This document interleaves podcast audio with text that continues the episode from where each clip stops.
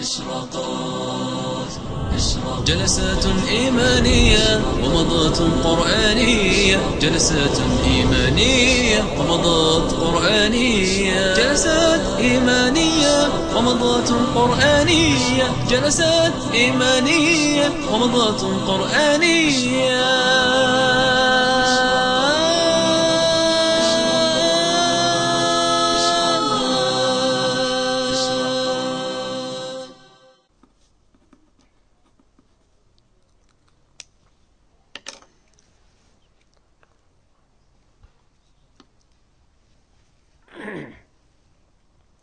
بسم الله الرحمن الرحيم. الحمد لله رب العالمين. صلى الله وسلم على خاتم النبيين وعلى آله وأصحابه أجمعين. ثم السلام عليكم ورحمة الله وبركاته. هذه ليلة الاثنين السادس من شهر رمضان من سنة 1423 للهجرة.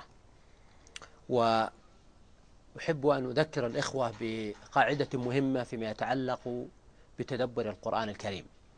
وهي أنك إذا وقفت أمام آية من آيات الكتاب الكريم وخفي عليك إعجازها وبلاغتها وأسرارها فإياك أن يذهب بك الظن إلى أن هذه الآية ليس فيها أسرار ولكن السيف بضاربه وغاية السيف أن يزهى بجوهره وليس يعمل إلا في يدي بطل فربما يكون كلال الذهن حال دون إدراك هذه الآية وأسرارها. هذا آه، نقطة. النقطة الثانية أن الله سبحانه وتعالى جعل في القرآن الكريم ألوانا من الأسرار والإعجاز. ففي بعض الآيات يكون الإعجاز فيما يتعلق باللفظ والبلاغة وفي آيات أخرى يتعلق بالتشريع والأحكام وفي نوع ثالث يكون إعجازا علميا وفي نوع الرابع يكون إعجازا تاريخيا وفي بعض الآيات يكون شيئا آخر وهكذا. كما أن الله سبحانه وتعالى وزع بين الخلق مواهبهم. فمن الناس من يطرب لجوانب البلاغة والإعجاز اللفظي ويستنبطها وتروق له ولذلك يشعر في في هذا النوع من الإعجاز بتجاوب. بينما منهم من يكون عنده اهتمامات علمية محضة فهو يبحث عنها. فالله سبحانه وتعالى جعل القرآن الكريم منهلا يرده الخلق كلهم فيسعهم. وكل إنسان من الناس يجد في القرآن الكريم بغيته وطلبته. إذا كانت طلبة حق ولهذا يقول الأصفهاني وغيره يقول تأملت الواردات والخواطر على الذهن الصحيحة فوجدت أنها لا بد أن تكون أصولها موجودة في القرآن الكريم. إذا إذا وقف الإنسان أمام بعض الآيات ولم يدرك ما فيها من أسرار البلاغة والإعجاز فعليه هنا أن ينتبه إلى أنه قد يكون الإعجاز في هذه الآية لونا آخر غير الألوان التي تعلمها أو تدرب عليها أو اهتم بها. هذا جانب. كما أن الإنسان غالبا ما يؤتى من قبل ضعف قواه وملكاته وقدراته ولذلك لما تقرأ في كتب التفسير مع أن الجميع آه، ربما يتسامعون أحيانا أن كتب التفسير على كثرتها فيها تكرار وهذا في تقديري أنه صحيح من جانب. فأنت لما ترى كتب التفسير قل أن تجد عالما مشهورا إلا وتجد له مصنفا في التفسير. كبر أم صغر؟ ولكن مع ذلك مع هذا التكرار الموجود في كتب التفسير إلا أنك كلما تأملت في كتاب من هذه الكتب وجدته يعتني بجانب معين قد لا يعتني به غيره. فمنها من ما يعتني مثلا بجوانب البلاغة والإعجاز اللغوي وذلك مثل ماذا؟ مثل الكشاف للزمخشري على ما فيه ومن الكتب المتأخرة كتاب التحرير والتنوير للطاهر ابن عاشور فهو واسع الخطو في جوانب البلاغة والإعجاز. ومن الكتب من يهتم بجانب الأحكام والفقه والحلال والحرام وذلك مثل كتاب القرطبي أو كتاب ابن العربي أو أضواء البيان من الشيخ الشنقيطي أو غيرها. ومن الكتب من يكون عنده عناية واهتمام بجوانب الإعجاز العلمي خصوصا عند المتأخرين مثل ما نجد في كتب آه، آه، فريد وجدي وطنطاوي جوهري وغيرهم ممن بالغوا وربما أسرفوا أحيانا في إقحام بعض المعاني وربطها في القرآن الكريم بشيء من التعسف وإلا إذا كان هذا على سبيل الاعتدال فلا بأس به فإن القرآن الكريم كما سلف لا تنقضي عجائبه. الفائدة الثانية والقاعدة الثانية هي فيما يتعلق باللغة العربية. تأملت اليوم فوجدت كثير من المعاني اللطيفة والدقيقة في القرآن الكريم. إنما نتذوقها وندركها ونتعاطاها في مثل هذا المجلس لأننا عرب حتى لو كان الواحد منا مبتدئا في الطلب لكنه يستطيع يعني أن يسير مع الأصحاء لأن عربيته وسلقته موجودة. لكن تخيلوا أن إنسانا غير عربي أو تلقن العربية بشيء من التكلف والتعلم والتعمل فإن هذا الإنسان قد يصعب عليه إدراك هذه المعاني. وحقيقة هذا يعني يحمل الإنسان العربي مسؤولية أكبر تجاه القرآن الكريم لأنه بلسان عربي مبين. ولهذا الله سبحانه قال وإنه لذكر لك ولقومك وسوف تسألون. فيعني يفترض أن يكون عند الإنسان نوع من شكر نعمة الله سبحانه وتعالى على أن جعل العربية لسانه فيقبل على القرآن الكريم ويستدرك بعض هذه المعاني اللطيفة التي قد لا يستطيع أن يحيط بها من ليس كذلك وليست العربية لغته الأصلية. أما حديثي اليوم فهو عن آه، آه، سورة أو مطلع سورة من آه، سور القرآن الكريم على وجازة ألفاظها وقصر آياتها إلا أن فيها من بديع المعاني ورائق الألفاظ ودقائق الإعجاز ما يبهر العقول ويأخذ بالألباب. ألا وهي أول سورة طرقت سمع النبي صلى الله عليه وآله وسلم. أعوذ بالله من الشيطان الرجيم. بسم الله الرحمن الرحيم. اقرأ باسم ربك الذي خلق. بإمكانك أن تغمض عينيك قليلا. ولا أقول ترجع إلى الوراء. لكن تتقدم إلى الأمام. تجاوز العصور الحالية وما يعيش فيه المسلمون وبني آه، عثمان ودولتهم وتجاوز آه، دولة بني العباس ثم آه، تجاوز دولة بني أمية وعصر الخلفاء الراشدين وعصر الهجرة لتعود إلى مكة قبل البعثة. وتتخيل في نظرك هذا الرجل الصالح المعتزل في غار بعيد بعيد يصعب الوصول إليه وهو يعبد ربه في ظل هذه الجاهلية الجهلاء المغطية على عقول الناس وعلى حياتهم والأوثان تضج بها مكة. بل والكعبة فيها 360 صنم والناس كما قال الشاعر أتيت والناس فوضى لا تمر بهم إلا على صنم. قد هام في صنم فعاهل الروم يطغى في رعيته وعاهل الفرس من كبر أصم عمي. فتتخيل تلك الحياة وما فيها من الضلالات والظلمات والجهالات. وفي جزيرة العرب على وجه الخصوص لا دين ولا دنيا ولا حضارة ولا علم. ثم تنظر هذا الرجل الصالح يتعبد كل سنة بهذا الغار الشهر الذي وافق شهر رمضان فإذا بالملك يأتيه وكان أول ما يخاطبه به وأول ما يقرع سمعه هذه الكلمات المبتدئة بأمر. لأن قوله تعالى اقرأ هذا اسمه ماذا؟ فعل فعل أمر. إذا أول خطاب للنبي صلى الله عليه وسلم كان أمرا مباشرا صريحا اقرأ باسم ربك الذي خلق. خلق الإنسان من علق. اقرأ وربك الأكرم الذي علم بالقلم علم الإنسان ما لم يعلم. والقصة معروفة في الصحيحين حديث عائشة رضي الله عنها في قصة نزول الوحي وكيف أن النبي صلى الله عليه وسلم آه، أول الأمر قال ما أنا بقارئ ما أنا بقارئ كل ذلك يأخذه ويغته ويضغطه حتى يبلغ منه الجهد حتى خشي على نفسه صلى الله عليه وسلم.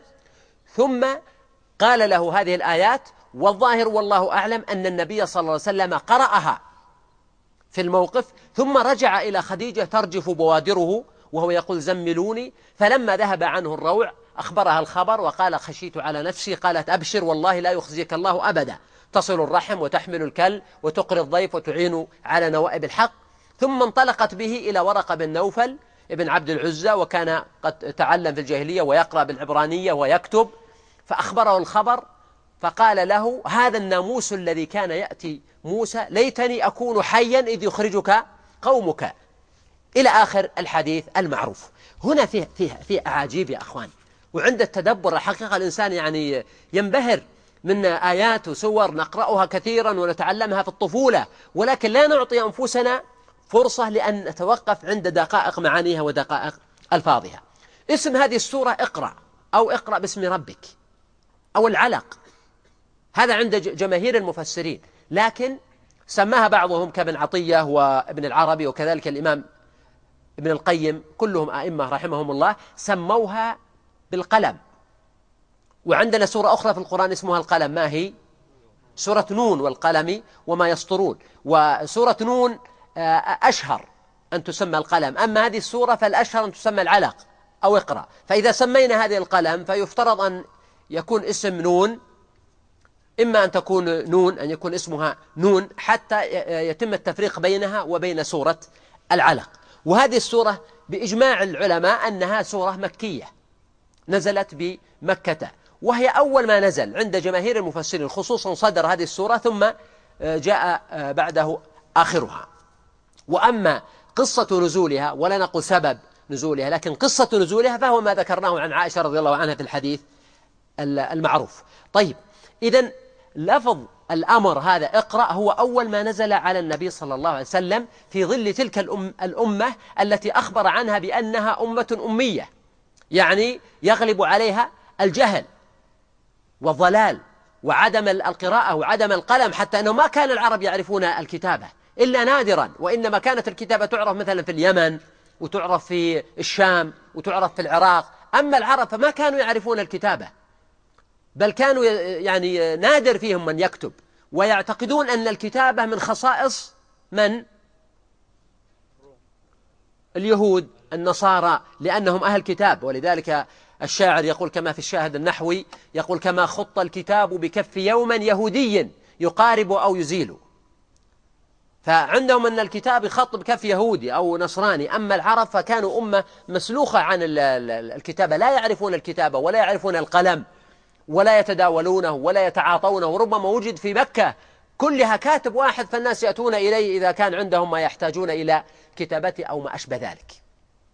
كذلك عندهم جهل مطبق. العرب يعني عبادة الأوثان مثلا كان الواحد منهم إذا نزل في مكان بحث عن أربعة أثافي أحجار فجعل منها ثلاثة لقدرة والرابع جعله صنما يعبده. وإذا لم يجد أحجار فكان يجثو شيء من التراب يجمعه ثم يحلب عليه الشاة كما قال أبو رجاء العطاردي ثم يعبده. والكعبة كما في الصحيح كان فيها 360 صنم تعبد. فالعرب كانوا ليس فقط أنهم لا يحسنون القراءة والكتابة وإنما كانوا أمة أمية جاهلة من جميع النواحي حتى على مستوى الطب مثلا ما كانوا يعرفون شيئا. على مستوى الصناعة ما كان عندهم صناعات. على مستوى التجارة كانت تجاراتهم بدائية وبسيطة. على مستوى الاتصالات لم يكن هناك أي اتصال. كانت الجزيرة العربية معزولة بصحرائها ممتنعة عن أن تفرض عليها سلطة عالمية ولكنها معزولة أيضا عن التقدم والرقي والحضارة التي كانت عند جيرانهم. فهنا تجد عجب أن يكون أول خطاب للرسول صلى الله عليه وسلم هو اقرأ باسم ربك الذي خلق. ولهذا قال العلماء كما قال ابن تيمية رحمه الله إن أول واجب على المكلف هو العلم. لهذه الآية لأنه أول ما خاطب الله به رسوله صلى الله عليه وآله وسلم. فهنا قال سبحانه اقرأ. ولذلك سبحان الله يا أخوان الأمة العربية والإسلامية في عهد النبوة وما بعده حصلت علوم كثيرة جدا واستطاعت أنها تأخذ علوم الأمم كلها ثم آه، تصلحها إصلاحا شرعيا وتنشرها بين الناس ثم حصل التراجع الضخم العظيم للأمة حتى آلت الأمور إلى ما هي إليه وحقيقة كثير ما يعني يعتريني تساؤل وأنا أقرأ القرآن أو أقرأ السنة. فأجد مثلا في القرآن الكريم آيات كثيرة لكن على سبيل المثال قول الله سبحانه وتعالى وهو الذي أنشأ جنات معروشات وغير معروشات والنخل والزرع مختلفا أكله والزيتون والرمان مثل الآيات التي تتكلم عن الزراعة وعن النبات وعن مراحل النبات وعن تكوينه وتخليقه وألوانه. فتقول أمة تلقت من ربها ما هو الآن من شيء يتعاطونه فيما بينهم وإنما من ربها وبالوحي وبالكتاب المقدس الذي يعظمونه ويؤمنون به. ولو كفر بحرف منه لكفر بالله تلقت مثل هذه المعاني. أليس من المنتظر أن تصبح هذه الأمة فعلا خطت خطوا طويلا في مسألة العلم بموضوع حرث الأرض والزرع وألوانه وأنواعه وتطويره وتنميته وبناء واستعمار الأرض كما قال الله سبحانه وأنشأكم من الأرض واستعمركم فيها. تستغرب طيب لماذا حصل هذا التخلف والتأخر العظيم عند المسلمين؟ أو تسمع مثلا قول النبي صلى الله عليه وسلم في الحديث الصحيح يقول ما أنزل الله من داء إلا له أو إلا وأنزل له دواء. علمه من علمه وجهله من جهله. ألا ترى أن النبي صلى الله عليه وسلم في هذا الحديث سمى العلم بالداء والدواء علما وسمى عدم المعرفة به جهلا؟ أليس كذلك؟ ثم إنه صلى الله عليه وسلم لقن أمته أنه ما في داء أو مرض إلا وله دواء إلا الموت. هذا يعني يمكن أن يبعث في نفوس الأمة قدرا كبيرا جدا من التطلع لأنه لما يقال لك أنه الحل موجود لما يقال لك إن الحل موجود فابحث عنه هنا يصبح عند الإنسان دافعا للبحث لكن لما يكون الإنسان يشك أنه ربما هذه الأمراض ليس لها علاج قد يقعد عن البحث. لكن لما يقال له ما في مرض إلا وله دواء وسوف يتم معرفته يعلمه أناس ويجهله آخرون فهذا يحفز الأمة إلى أن تبحث عن دواء الداء ليصاب الداء فيبرأ بإذن الله تبارك وتعالى. بينما تجد أن الأمة اليوم عيال على أمم الشرق والغرب حتى أن دراسة الطب في الغالب أنها تكون بأي لغة؟ باللغة الإنجليزية. حتى في هذه البلاد وفي آه، مصر في حسب علمي ربما يندر من البلاد العربية من تكون دراسة اللغة الإنجليزية بالعربية. دراسة الطب باللغة العربية أظن في سوريا. طيب تأتي للعلوم الأخرى فتجد كما قلنا سابقا مسألة مثلا الاقتصاد الإدارة العلوم. أما العلوم الشرعية فحدث ولا حرج. ومع ذلك مع أن الله سبحانه وتعالى يعني رب هذه الأمة وجعل لها الأصول التي يمكن أن تنطلق منها إلى المعرفة والتعليم والاشتقاق والوصول إلا أنك تجد أنه صار هناك نوع من الانقطاع عن ميراث النبوة وعن الالتزام بهدي الله سبحانه وتعالى. والانشغال أحيانا بأشياء ربما بالغنا فيها وأعطيناها أكثر مما ينبغي على حساب أشياء أخرى. وهنا نكرر الكلمة التي قلتها قبل أمس أنه ما وجد سرف إلا ومعه حق مضيع. طيب إذا هذا آه، فيما يتعلق بأول هذا لفظ. اقرأ. طيب نحن نعرف أن النبي صلى الله عليه وسلم وجهت له أوامر أخرى بعد ذلك. دعونا نستذكرها. وبالذات نريد ما كان على سبيل فعل الأمر الموجه للنبي صلى الله عليه وسلم. مثلا قم الليلة مثلا جاءه فيما بعد قم الليل إلا قليلا هذا أمر. أيضا قم فأنذر. هذا قم الليل يتعلق بماذا؟ بالعبادة. إذا أمر بالعبادة وأمر صلى الله عليه وسلم بالنذارة والدعوة في قوله يا أيها المدثر قم فأنذر. وكذلك قوله تعالى ادعو إلى سبيل ربك بالحكمة والموعظة الحسنة. وأمر أيضا بماذا؟ خذ العفو وأمر بالعرف وأعرض عن الجاهلين. فاصدع بما تؤمر وأعرض عن المشركين. جاهد الكفار والمنافقين أمر بالجهاد عليه الصلاة والسلام. وهكذا. إذا عندنا أوامر كثيرة تتابعت. هذه الأوامر لا ينقض بعضها بعضا ولا يأتي بعضها على حساب البعض الآخر. كلها حق. وكلها أوامر ربانية وكلها شرع. لكن يظل السبق لأي واحد منها؟ لأي واحد؟ لإقرأ. لماذا؟ لأنه العبادة بدون علم ضلال. والدعوة بدون علم دعوة إلى جهل. والجهاد بدون علم جراءة.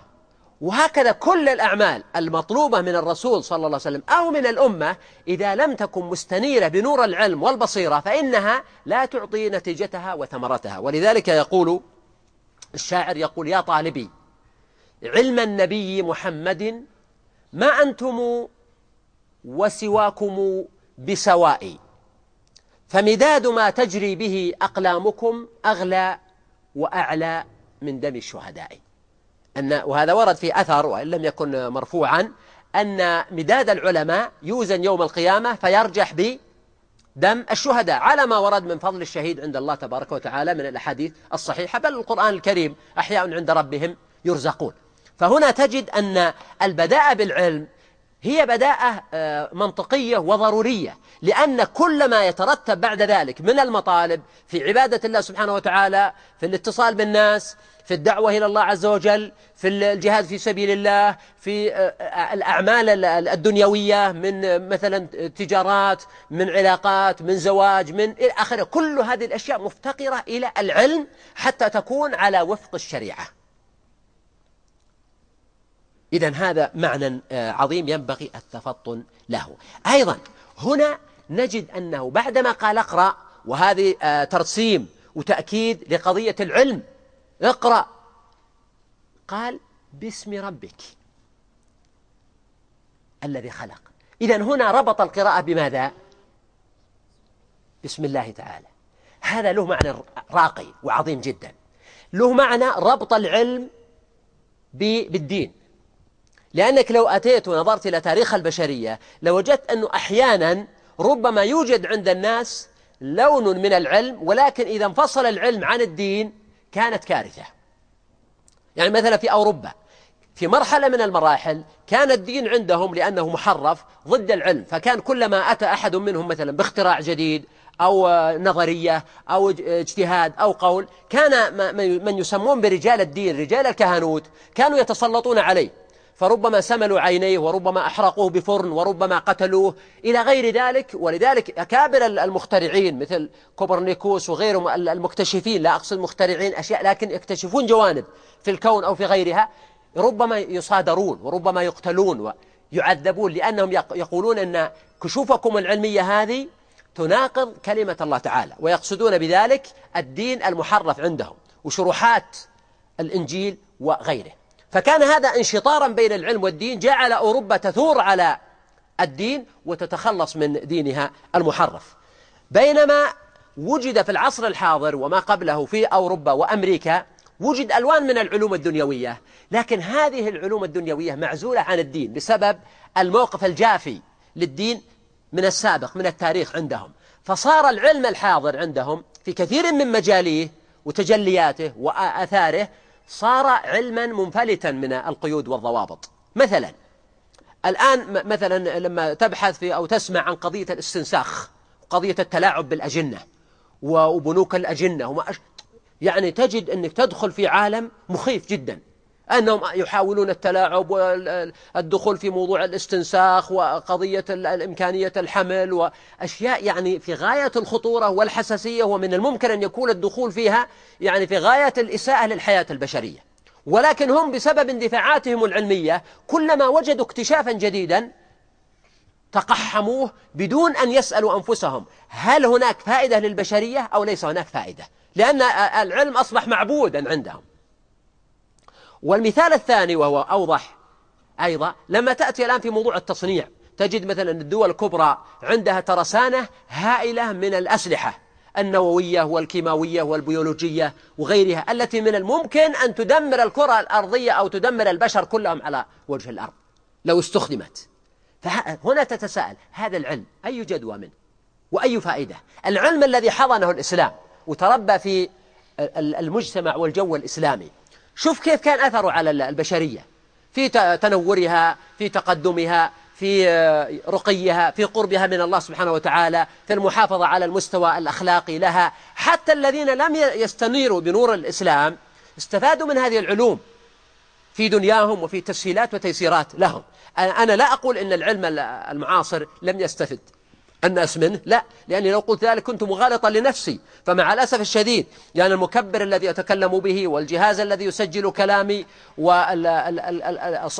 والكاميرا والمصباح الذي يضيء وربما حتى القلم مع الأسف الذي نكتب به والساعة التي ننظر فيها كل هذه الأشياء هي من إنتاجاتهم وإبداعاتهم ونحن مجرد آه، سوق تستغل بعض هذه الأشياء.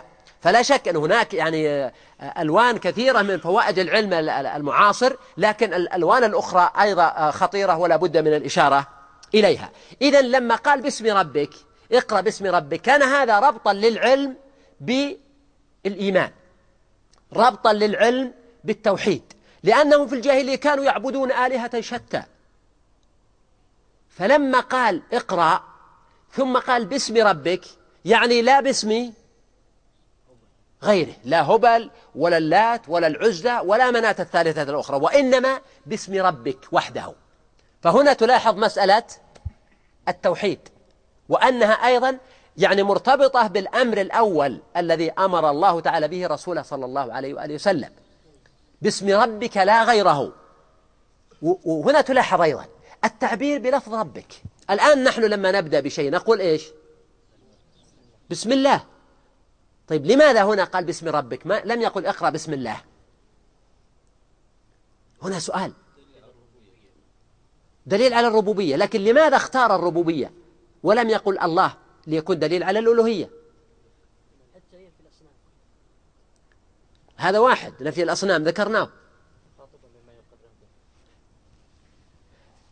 قوله باسم ربك هذا هو الاسم المناسب للمقام. لأن النبي صلى الله عليه وسلم الآن كان مرعوبا من هذا الملك الذي فجأه وهو بالغار. وقد طرق سمعه لأول مرة ناموس هائل يقول له اقرأ. وهذا تكليف وإشعار بأن النبي صلى الله عليه وسلم ابتدأ الآن حياة جديدة مبنية على ماذا؟ على التعبد وعلى الانصياع وعلى الأمر وعلى النهي. فالأمر كان كبيرا. ولذلك فزع النبي صلى الله عليه وسلم. فلما قال باسم ربك كان هذا مشعرا باللطف وأنه الذي رباك وهو الذي رعاك وتعاهدك وحماك في الجاهلية مما كان يفعله أهل الجاهلية وحماك من كيد الكائدين وحفظك وتولاك وأعانك حتى كنت تتعبد في مثل هذه الأوقات فهو ربك هذا في إشعار باللطف. فضلا عن إشعار بالوحدانية كما ذكرنا في إشعار باللطف والتعاهد في الماضي وفي أيضا إشعار بالحفظ في المستقبل. لأن الرب مأخوذ من التربية والتربية هي البلوغ بلوغ الكمال شيئا فشيئا.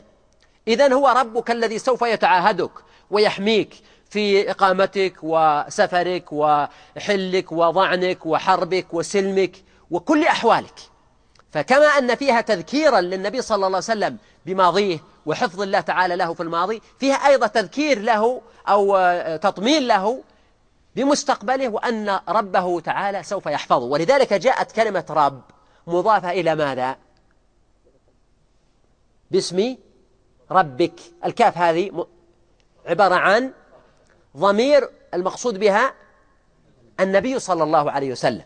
فلما أضافه إليه كان في ذلك إشعارا باللطف وقرب الله سبحانه وتعالى من نبيه صلى الله عليه وآله وسلم. فقال اقرأ باسم ربك ثم قال الذي خلق. وهنا معنى عظيم أيضا الذي خلق. إذا الأول الآية أمر بالقراءة وآخرها إشارة إلى الخلق. فربك هو الذي خلق. هنا نجد أن الله سبحانه وتعالى في القرآن الكريم يقول ألا له الخلق والأمر. إذا الخلق هنا موجود في قوله الذي خلق. والأمر أين هو؟ اقرأ. الأمر اقرأ. إذا هذه الآية اشتملت على الخلق وعلى الأمر. وكأن المعنى أن الذي له الخلق الخالق هو الذي من شأنه أن يأمر ويشرع. وليس لأحد غيره. فهنا ظهر يعني نبذ ورفض الأصنام كلها التي كانت العرب تعبدها. والإقرار المطلق بالوحدانية التامة لله تعالى لأنه لا من أحد ادعى الخلق مع الله سبحانه وتعالى. ولهذا الله عز وجل قال أم خلقوا من غير شيء؟ أم هم الخالقون؟ قربوا شوي يا أخوان. أم خلقوا السماوات والأرض بل لا يوقنون؟ وقوله سبحانه يعني في في مواضع أخرى من هذا اللون. فالمقصود إذن أن قوله الذي خلق إشارة إلى تمام وحدانية سبحانه وأن الذي له الخلق هو الذي له الأمر. طيب اقرأ باسم ربك الذي خلق. ولما قال اقرأ هل حدد المقروء ما هو؟ يعني اقرأ فعل أمر طيب أين المفعول به؟ غير موجود. يعني ما قال اقرأ القرآن مثلا أو اقرأ الكتب وإنما قال اقرأ وأطلقها. طيب لماذا؟ وكذلك لما قال خلق ما حدد المخلوق ما هو وإنما قال الذي خلق. طيب اقرأ. ماذا يقرأ صلى الله عليه وسلم؟ لماذا لم يذكر المقروء؟ يحتمل والله أعلم أن يكون المقروء لم يذكر للعلم به ووضوحه وظهوره وأن المقصود به القرآن. اقرأ القرآن. ويحتمل أن يكون المقصود القراءة العامة. يعني اقرأ فيكون هذا قراءة عامة أمرا للنبي صلى الله عليه وسلم ولأمته من بعده بالقراءة. فلا تكون القراءة مقيدة إلا فيما فيما ينفع. اقرأ ما ينفع. مما يحتاج الناس إليه في أمور دينهم أو في أمور دنياهم. ولهذا جاءت القراءة مطلقة. وكذلك لما قال باسم ربك الذي خلق كان المقصود أنه خلق ماذا؟ كل شيء. الله خالق كل شيء. ولهنا ولهذا قال هنا الذي خلق. ثم قال في الآية التي بعدها خلق الإنسان من علق. طيب هل الآية هذه فيها تكرار؟ فيها تكرار. تكرار خلق خلق. وشوف فعلي آه، ماضي متجاورين ومع ذلك في غاية الإبداع. يعني لو آه، مثلا نسي الإنسان وقال اقرأ باسم ربك الذي خلق الإنسان من علق شعر بأن هناك نقص معين في القراءة واضح. فهنا اقرأ باسم ربك الذي خلق ثم تقف وتستأنف من جديد خلق الإنسان من علق. إذا الإشارة إلى الخلق الثاني إشارة مقصودة وليست مجرد استطراد أو بيان للأول وإنما هي استئناف فكأننا أمام جملة جديدة وأمام معنى جديد يراد تأسيسه وهو أن الله تعالى خلق الإنسان من علق. في الأولى قال خلق فكان المقصود خلق كل شيء كما قلنا. لكن في الآية الثانية قال خلق من؟ خلق الإنسان. فنص على الإنسان وفي جملة مبتدئة أساسية لتأسيس هذا الموضوع الذي هو موضوع خلق الإنسان. فالله سبحانه وتعالى هنا ذكر الإنسان. ولاحظ أننا لازلنا نتكلم عن أول مقطع في القرآن الكريم نزل على النبي صلى الله عليه وسلم. إحنا اتفقنا أمس على ماذا؟ على أطفاء الجوالات. نعم. طيب. فالجوال اللي يصيح سوف نصادره.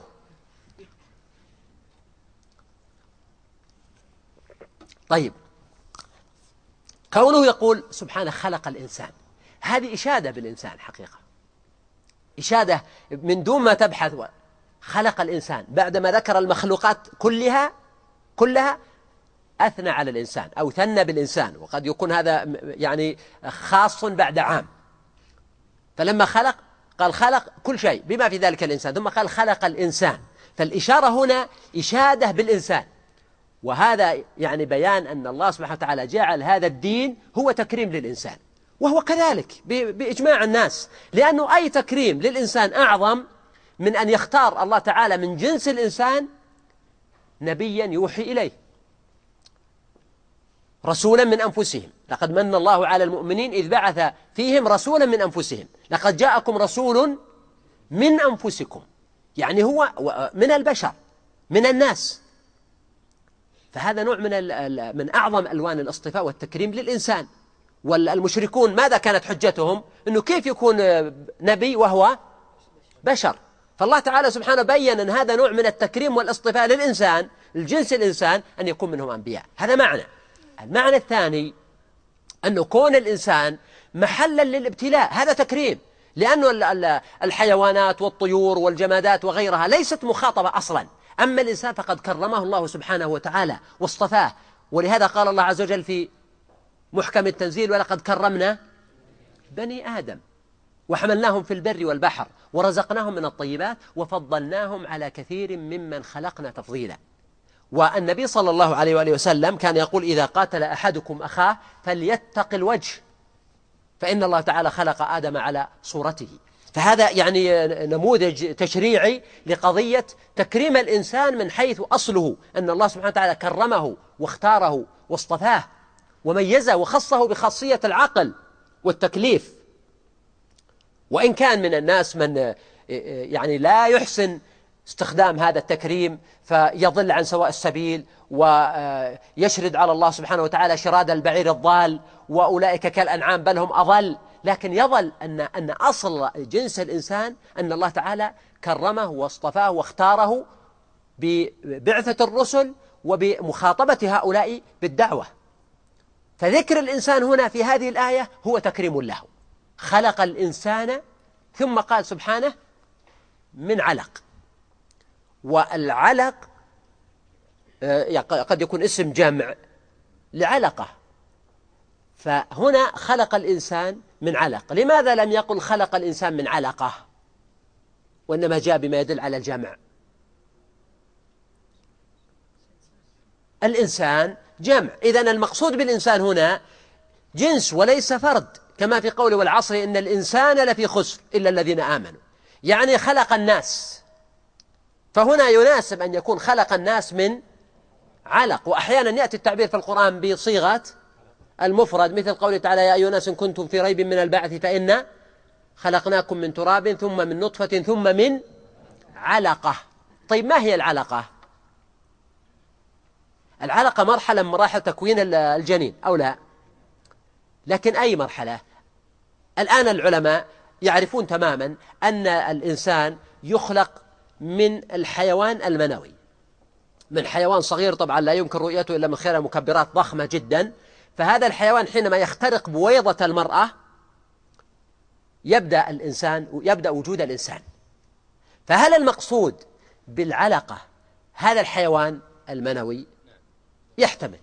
بعضهم قال هذا. لكن الأقرب والله أعلم من سياقات القرآن الأخرى أن المقصود بالعلقة مرحلة متقدمة. لأن حقيقة الإنسان لم يخلق من الحيوان المنوي للذكر فقط وإنما من الحيوان المنوي للذكر مع بويضة المرأة. فالأنسب أن تكون العلقة مرحلة متقدمة ولهذا قال خلقناكم من تراب ثم من نطفة. هذه النطفة غالبا تطلق على ماذا؟ على ماء الرجل. ثم من علقة ثم من مضغة مخلقة وغير مخلقة فالعلقة إذا مرحلة متقدمة تشبه العلقة الموجود في الماء أحيانا وهي أيضا تسبح في آه، كم من السوائل في رحم المرأة فتشبه هذه العلقة التي تسبح في الماء ومما يعزز هذا المعنى كما قلنا أن خلق الإنسان يكون من. من ماء الرجل من الحيوان المنوي من الرجل ومن بويضة المرأة أيضا. وإن كانت هذه العلقة صغيرة إلا أنها بالتكبير تشبه تماما العلقة الموجودة في الماء المعروفة. فهنا قال خلق الإنسان من علق. وفي ذلك إشارة إلى الفرق بين الإنسان وبين العلق. يعني لما تنظر إلى بداية الإنسان وهو مخلوق من هذه العلقة الصغيرة ثم تراه إنسانا قد كرمه ربه. وخلقه وكلفه ورزقه العقل وبعث إليه الأنبياء وأنزل له الكتب وأقام له سوق العبادة وأيضا جعل له الجنة أو النار إن أطاع أو إن عصى. فهنا تلاحظ النقلة البعيدة بين هذا وذاك وأن تكريم الإنسان هو من فضل الله سبحانه وتعالى ومن منته. ولهذا لما قال الله سبحانه وتعالى عن الكفار أيطمع كل امرئ منهم أن يدخل جنة نعيم؟ ماذا رد عليهم سبحانه بقوله؟ كلا إنا خلقناهم مما من؟ مما يعلمون. يعني ما يحتاج الأمر إلى تفصيل. هم عارفين يعني مما خلقوا. خلق من ماء دافق. فيعني كأن المعنى أنه المادة التي خلقت منها ما تهيئك أو تؤهلك للمطالب العالية بمجردها إذا لم تستخدم الوظائف التي أقدرك الله عليها في مرضاة الله سبحانه وتعالى. طيب فهنا قال خلق الإنسان يعني جنس الإنسان من علق. طيب إذا ذكر الخلق العام أولا ثم ذكر الخلق الخاص للإنسان وفي ذلك إشارة إلى تكريمه حيث جعله الله تعالى خليفة. ولذلك انظر التوافق بين هذه الآية أول ما نزل والتي فيها ذكر الإنسان وخلق الإنسان مع أننا نجد أنه في أول ما خلق الله.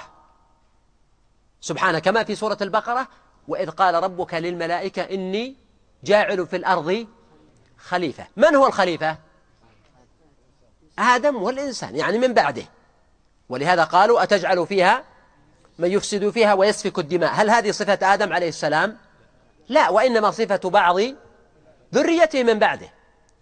قال إني أعلم ما لا تعلمون. فالمقصود إذن أنه كما أن الله سبحانه وتعالى خلق هذا الإنسان أول ما خلقه كذلك تجد أنه أول ما نزل على النبي صلى الله عليه وسلم هذه الآية التي فيها ذكر الإنسان ومما خلق. جمعا بين حقارة أصل الإنسان وبين تكريمه وتشريفه آه، بالإيمان إذا آمن وبالمخاطبة وبالعقل الذي ميزه الله تعالى به عن سائر الحيوان.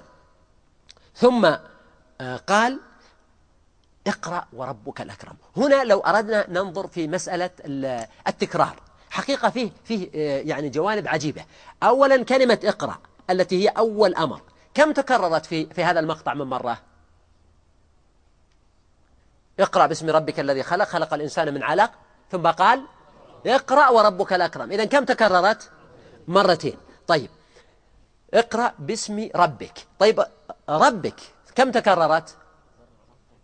اقرأ باسم ربك الذي خلق. خلق الإنسان من علق. اقرأ وربك الأكرم الذي علم بالقلم. إذا تكررت أيضا.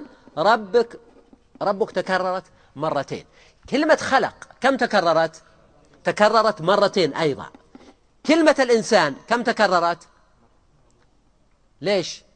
خلق الإنسان من علق اقرأ وربك الأكرم الذي علم بالقلم علم الإنسان ما لم يعلم. كلمة الإنسان تكررت مرتين أيضا. إذا هذا التكرار في القرآن الكريم وما فيه من مع أنه شوف الإنسان ما يكتشف من أمامه خمس آيات ومع ذلك من يعني آه، بديع آه، يعني هذا السياق وهذا الإعجاز أن الإنسان لا يفطن إلى ذلك إلا إذا فطن وأوقف عليه لأنها جاءت في سياقاتها المناسبة. فهنا الله سبحانه وتعالى لما كرر الأمر بالقراءة. اقرأ باسم ربك الذي خلق خلق الإنسان من علق ثم قال اقرأ وربك الأكرم. هنا اسأل نفسك لماذا كرر الأمر بالقراءة مرتين خلال خمس آيات وخلال بضع ثواني ربما؟ لماذا كرر الأمر بالقراءة؟ هل الأمر الثاني هو الأمر الأول تماما بحيث نقول أنه مجرد توكيد له أم أنه يمكن أن نستخلص من وراء هذا التكرار معاني لطيفة وأسرار عجيبة للقرآن الكريم. في تقديري الثاني أنه التكرار له معنى عظيم وليس مجرد توكيد للمعنى. وإن كان التوكيد بحد ذاته معنى مقصود. لكن أيضا هنا الأمر بالقراءة والأمر بتكرار القراءة فيه مسألة المداومة من غير انقطاع بالقراءة. بمعنى أنه اقرأ ثم اقرأ ثم اقرأ فلا يكون الإنسان يبدأ بالقراءة ثم ماذا؟ ثم ينقطع. سواء كان هذا كانت هذه القراءة قراءة شرعية في كتاب الله تعالى وسنة نبيه صلى الله عليه وسلم أو كتب أهل العلم أو كانت قراءة نافعة للناس. فإن المشكلة التي يواجهها الكثير من الناس اليوم هي أنه قد يبدأ بالقراءة ولكنه يتوقف بعد ذلك. وعلى سبيل المثال الآن الذين يتخرجون من الكليات من كليات الشريعة مثلا أو غير كليات الشريعة يعني عشرات الآلاف بل قل مئات الآلاف. حملت رسالة الدكتوراه آلاف في المملكة فقط. لكن ربما أقول ومن واقع خبرتي أن الكثيرين بمجرد ما يحصل على الشهادة يكون قد ودع القراءة وترك الكتب والمكتبة هذه إما أن يجعلها زينة مثلا في الرفوف المجلس أو يقوم بإيصالها إلى بعض من يستفيد منها وربما يبيع المكتبة وقد يبقيها لكن تجد المكتبة قد عاث فيها الغبار فلا يكاد يرجع إلى هذه الكتب إلا نادرا.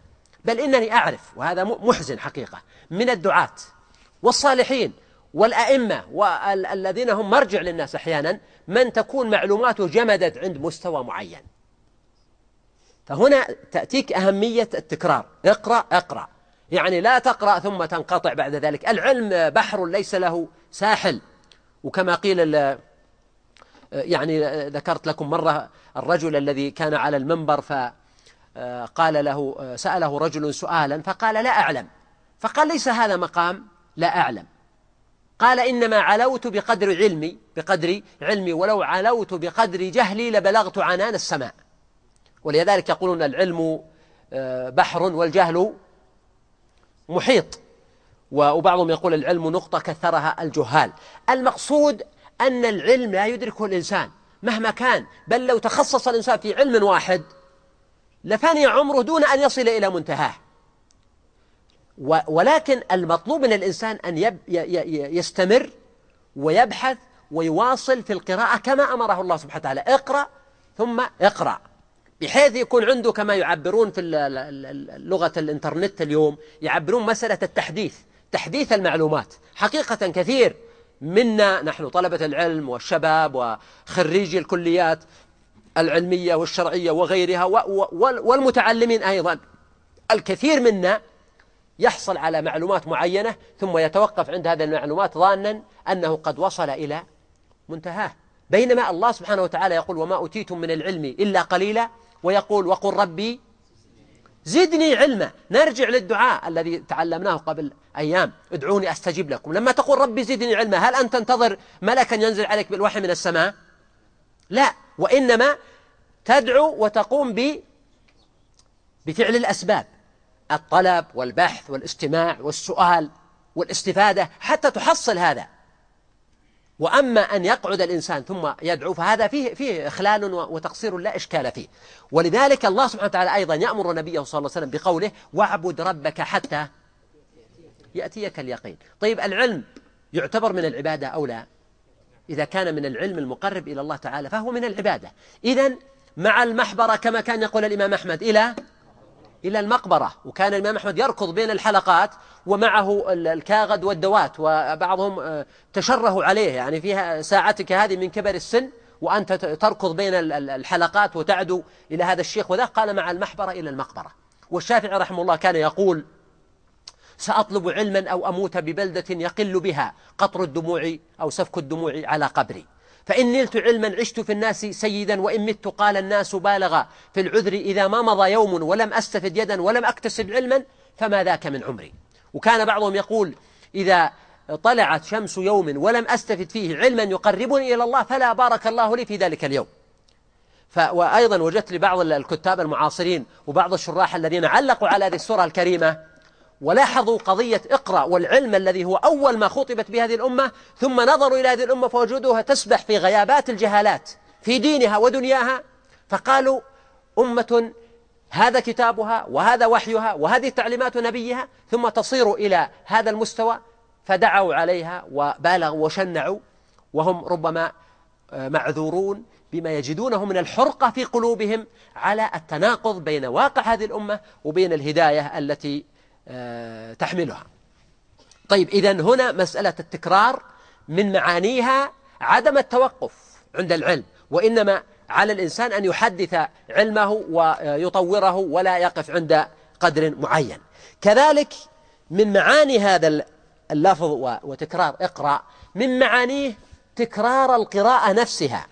يعني أن الإنسان في كثير من الأشياء قد لا يستطيع أن يفهمها أو يدركها لأول وهلة. ولذلك تجد في القرآن الكريم نفسه أشياء يكررها الله سبحانه وتعالى. وهذا من معاني قول الله تعالى الله الذي آه، نزل أحسن الحديث كتابا متشابها مثاني. يعني المعاني فيه تكرر. فأنت تجد مثلا ذكر الجنة ذكر النار قصص الأنبياء آه، أشياء كثيرة. تجد أن الله تعالى يذكرها مرة بعد أخرى لأن الإنسان لا يتعلم من مرة واحدة. وحتى العلم يعني الناس يتكلمون عن الأصمعي أنه كان يحفظ من من مرة. لكن هل هذا الكلام صحيح؟ أو البخاري؟ هذا في نظر. قد يحفظ الإنسان أشياء تعلق في ذهنه أو يهتم بها. لكن ما صعب أن الإنسان يحفظ كل شيء من مرة. وإنما نقل هذا عن الأصمعي ونقل عن أبي العلاء المعري ونقل عن البخاري. في روايات ربما تكون في حالات خاصة وهم أصحاب مواهب لا شك يعني هائلة وفادحة في قوة الحفظ. لا إشكال في ذلك. وفي الأمة من هذا شيء يعني يطول عنه الحديث. وفي مصنفات خاصة. لكن أيضا يظل الإنسان يعني أبو هريرة الذي دعا له النبي صلى الله عليه وسلم بأن لا ينسى ألم يقع له شيء من النسيان؟ نسي لكن حروف يسيرة. فمن طبع الإنسان أنه لا يستطيع أن يتقن الأشياء كلها من مرة واحدة. ولذلك حتى في سورة الرحمن مثلا بين آية وأخرى فبأي آلاء ربكما تكذبان؟ التكرار هو مقصود لذاته في كثير من الحالات. فلما الله سبحانه وتعالى يقول اقرأ ثم يقول اقرأ في ذلك إشارة إلى تكرار القراءة. مثلا لما تريد أن تتدبر آيات من كتاب الله تعالى من شروط التدبر ماذا؟ التكرار. أول مرة تقرأ مهما كنت يعني لا يمكن أن تنقدح المعاني كلها في نفسك. فلكن لما ولكن لما تكرر هذه السورة أو الآية مرة بعد أخرى بعد أخرى ينقدح لك المعنى. كذلك مسألة قراءة الكتب. ولذلك يقولون بعض الأدباء سئل أيهما يعني عن القراءة فقال لأن أقرأ كتابا واحدا ثلاث مرات أحب إلي من أن أقرأ ثلاثة كتب ثلاثة كتب مرة واحدة فأحيانا بعض الأشياء المفيدة والنافعة يحتاج الإنسان إلى أن يكرر قراءتها وهذا من أسرار ولطائف تكرار قوله اقرأ أيضا من أسرار ولطائف التكرار أنه قد تكون الآية الأولى قراءة للنفس والآية الثانية قراءة لمن؟ للغير. يعني الآية الأولى لما يقول اقرأ باسم ربك الذي خلق. هذا خطاب للنبي صلى الله عليه وسلم أن يقرأ وأن يتعلم. طيب ثم قال اقرأ وربك الأكرم الذي علم بالقلم علم الإنسان ما لم يعلم. تكون الأمر بالقراءة الثانية من أجل تعليم الناس. إذا أمره بالتعلم والتعليم. أمره بالقراءة وأمره بالدعوة. فتكون قراءة للنفس وقراءة للغير. ولذلك العلم الطيب الفاضل المبارك هو العلم الذي ينتفع به صاحبه وينتفع به غيره. ومسألة نشر العلم هي هي هي بحد ذاتها علم. يعني الوسيلة التي نوصل بها العلم إلى الناس هي من العلم. ولذلك من الناس من قد يكون لديه معلومات كبيرة ولكن لا يوفق لإيصال هذه المعلومات. يكون عنده مثلا عجز أو ضعف أو فتور همة أو يستلذ القراءة فلا يجد في نفسه إقبالا إلى تدوين ما تجمع لديه سواء دونها في كتاب أو, أو, أو, أو, أو تكلم بها عند الناس. المهم أن يوصل ما قرأ إلى الناس. ولذلك قد تجد عند إنسان معلومات معتدلة ليست ضخمة ولكنه يسوقها وينشرها ويتكلم بها ويبلغها فينفع الله تعالى بها كثير من الخلق. ولذلك أؤكد لك بما لا مجال للشك فيه أنه ليس بالضرورة أن المشهورين دائما هم الأكثر علما لا. ولكنهم عندهم مجموعة مواصفات قدر من العلم وقدر من المعرفة بالوسائل للإيصال وقدر من تحمل تبعات هذا العلم والصبر عليها والدأب والاستمرار فلذلك أثبتوا مقامهم. وقد يكون في الظل من هو أوسع منهم علما وأكثر معلومات ولكنه لم يرزق نشر هذا العلم. ومن هنا يكون قوله اقرأ ثم اقرأ الأولى لأن يتعلم الإنسان ويقرأ لنفسه والثانية ليعلم الآخرين ويقرأ لهم. ولذلك النبي صلى الله عليه وآله وسلم لما رجع إلى خديجة في الوقت نفسه ماذا قال لها؟ ماذا قرأ عليها؟ ألم يقرأ عليها الآيات نفسها؟ إذا هو امتثل صلى الله عليه وسلم. فهو قرأ للملك لما قال له اقرأ. ثم لما رجع إلى خديجة قرأ عليها الآيات وأخبرها بالخبر. فكان هذا أول امتثال وتطبيق وتبليغ للنبي صلى الله عليه وسلم أن يخبر زوجه خديجة بما سمع من الملك وما أمر بقراءته. اقرأ. باسم ربك الذي خلق. خلق الإنسان من علق اقرأ. ثم قال وربك الأكرم الذي علم بالقلم. فأعاد لفظ الربوبية إشارة إلى الحفاوة بالنبي صلى الله عليه وسلم واللطف به والحماية والحفظ وتذليل العقبات. ولهذا قال هنا قال وربك الأكرم. لاحظ اختيار صفة الأكرم. الأكرم هنا ليست مبالغة بقياس الله تعالى بأحد من خلقه. فالله تعالى له من الكرم والجود والفضل ما ما لا يقاس به أحد لأن كرم الله تعالى كرم المخلوقين آه، كله هو في بعض ما أنعم الله به عليهم. أما الله تعالى فكرمه أولا في الخلق خلق العباد. ثم كرموا بإنزال الرسالة إليهم وأن لم يكلهم إلى أنفسهم وإلى عقولهم. ثم كرمه سبحانه بأن يذلل ويسهل لهم العقبات التي تعترضهم ولهذا قال هنا ورب اقرأ وربك الأكرم الذي علم بالقلم علم الإنسان ما لم يعلم. وربك الأكرم الذي علم بالقلم. فهنا الله سبحانه وتعالى علم خلقه وهذا من كرمه بالقلم. ففي ذلك إشارة إلى أن العلم من أعظم ألوان الكرم الرباني. يعني الكرم بلا, بلا شك بالحياة من الله سبحانه وتعالى. فضل والصحة والعافية والجوارح والسمع والبصر والعقل واللسان وكل الفضائل وكل النعم. وما بكم من نعمة فمن الله تعالى فمن الله.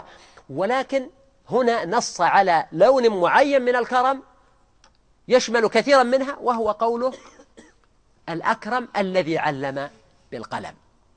فامتن الله سبحانه وتعالى على الإنسان بتعليمه بالقلم. وهنا لما قال علم بالقلم هل بين من الذي تعلم بالقلم؟ علم من؟ بس الإنسان. ما في أحد يستخدم القلم إلا الإنسان. بس أكيد. فيه الملائكة مثلا. إذا هنا نفس المعنى الأول. لما قال علم بالقلم لم يبين من هو الذي علم بالقلم. فبقيت مطلقة فيدخل في ذلك الإنسان ويدخل فيه الملائكة ويدخل فيه ربما أشياء لا نحيط بها ممن يعلمه الله سبحانه وتعالى بالقلم سواء بشكل مباشر أو غير مباشر. ففي ذلك إشادة وإشارة إلى القلم. وهنا الله سبحانه وتعالى لما قال علم بالقلم. في هذه الآية الكريمة لفتة لطيفة إلى أن النبي صلى الله عليه وسلم لم يكن كاتبا لم يكن يكتب وأنه لا يزال غير كاتب. ولهذا الله سبحانه وتعالى يقول وما كنت تتلو من قبله من كتاب ولا تخطه بيمينك إذا لارتاب المبطلون. وظنوا أن ما قاله وجاء به صلى الله عليه وسلم إنه مما تعلمه أو قرأه. فهنا الله سبحانه وتعالى قال الذي علم بالقلم. لم يشر إلى تعليم النبي صلى الله عليه وسلم نفسه بالقلم وإنما قال علم بالقلم يعني تعليما مطلقا لم يذكر المسند لم المفعول به في هذا الموضع. ففي ذلك إشارة وإن كانت خفية إلى عدم زوال الأمية عن النبي صلى الله عليه وسلم وهي بالنسبة له كمال. بينما هي بالنسبة لغيره نقص ولهذا يقول القائل إن أمية الرسول قضاها الله عن حكمة لها بينات كل أمية سواها يسيح الجهل فيها وتسبح الظلمات. فأمية النبي صلى الله عليه وسلم لهذا الحكمة العظيمة البليغة لكنه هو سيد العلماء وسيد الفاقهين والعارفين وإمام الدعاة وهو الذي جاء كتابه وجاءت سنة النبي صلى الله عليه وسلم نظر الله امرأ سمع مقالتي فوعاها آه، فبلغها فرب حامل فقه ليس بفقيه ورب حامل فقه إلى من هو أفقه منه وإلى آه، غير ذلك من التعليمات النبوية في نشر العلم والحث عليه وفضل أهله. والإشادة بالقلم هنا الذي علم بالقلم لها معنى عظيم. نحن اليوم في عصر الإنترنت وفي عصر التواصل الإعلامي ووسائل العلم ما عادت مقصورة على مجرد القلم. يعني مثلا الآن الوسائل الإلكترونية. ربما مكتبة ضخمة من ألف مجلد أو حتى عشرة آلاف مجلد. يمكن أن تجمع الآن في آه، قرص صغير وما يسمى بالسيدي مثلا. أو ربما يوم من الأيام تجمع في رأس دبوس وهذا قريب. فهناك قفزات هائلة وضخمة جدا للعلم الآن في جمعه. لكن هذه الأشياء هل تخرج عن القلم؟ ما جمع في هذه السيديهات؟ ما هو مثلا؟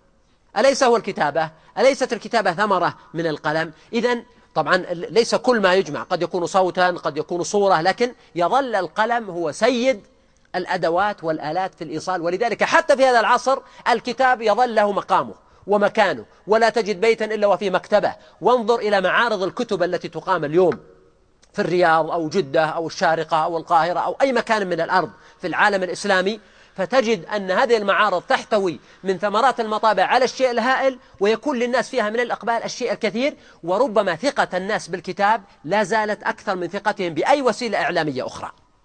يعني ثقة يعني قد يستفيدون مثلا من الشريط من بعض الوسائل الأخرى من الإنترنت لكن يظل الكتاب من حيث التوثيق ومن حيث الأهمية ومن حيث الرجاحة والثقل والاعتبار أبلغ في التأثير. يعني هناك أشياء أسرع تأثير وهناك أشياء أبلغ.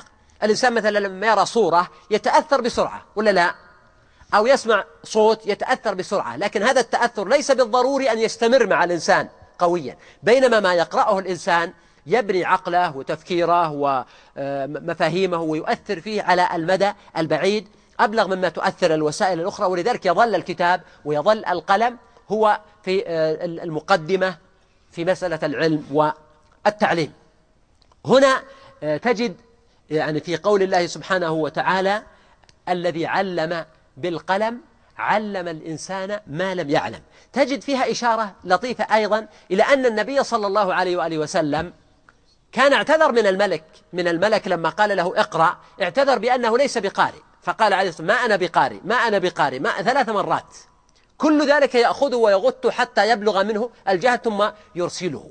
فقول الله سبحانه وتعالى علم بالقلم علم الإنسان ما لم يعلم وثناؤه على نفسه سبحانه بأنه الأكرم.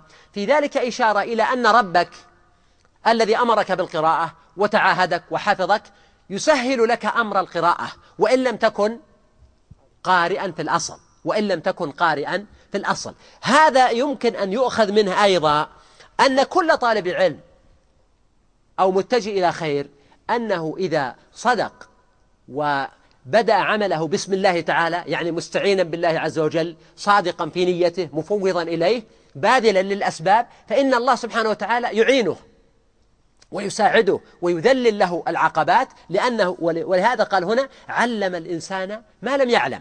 يعني علم الإنسان الأشياء التي لم يكن يعلمها من قبل ولهذا الله سبحانه وتعالى قال للنبي صلى الله عليه وسلم وكذلك أوحينا إليك روحا من أمرنا. ما كنت تدري ما الكتاب ولا الإيمان ولكن جعلناه نورا نهدي به من نشاء من عبادنا. وقال سبحانه في الآية الأخرى وعلمك ما لم تكن تعلم فهو علم نبيه صلى الله عليه وسلم من الوحي ما لم يكن يعلم وعلم الإنسان جنس الإنسان ما لم يكن يعلم. ما هو الذي لم يكن يعلمه الإنسان؟ مثلا الوحي.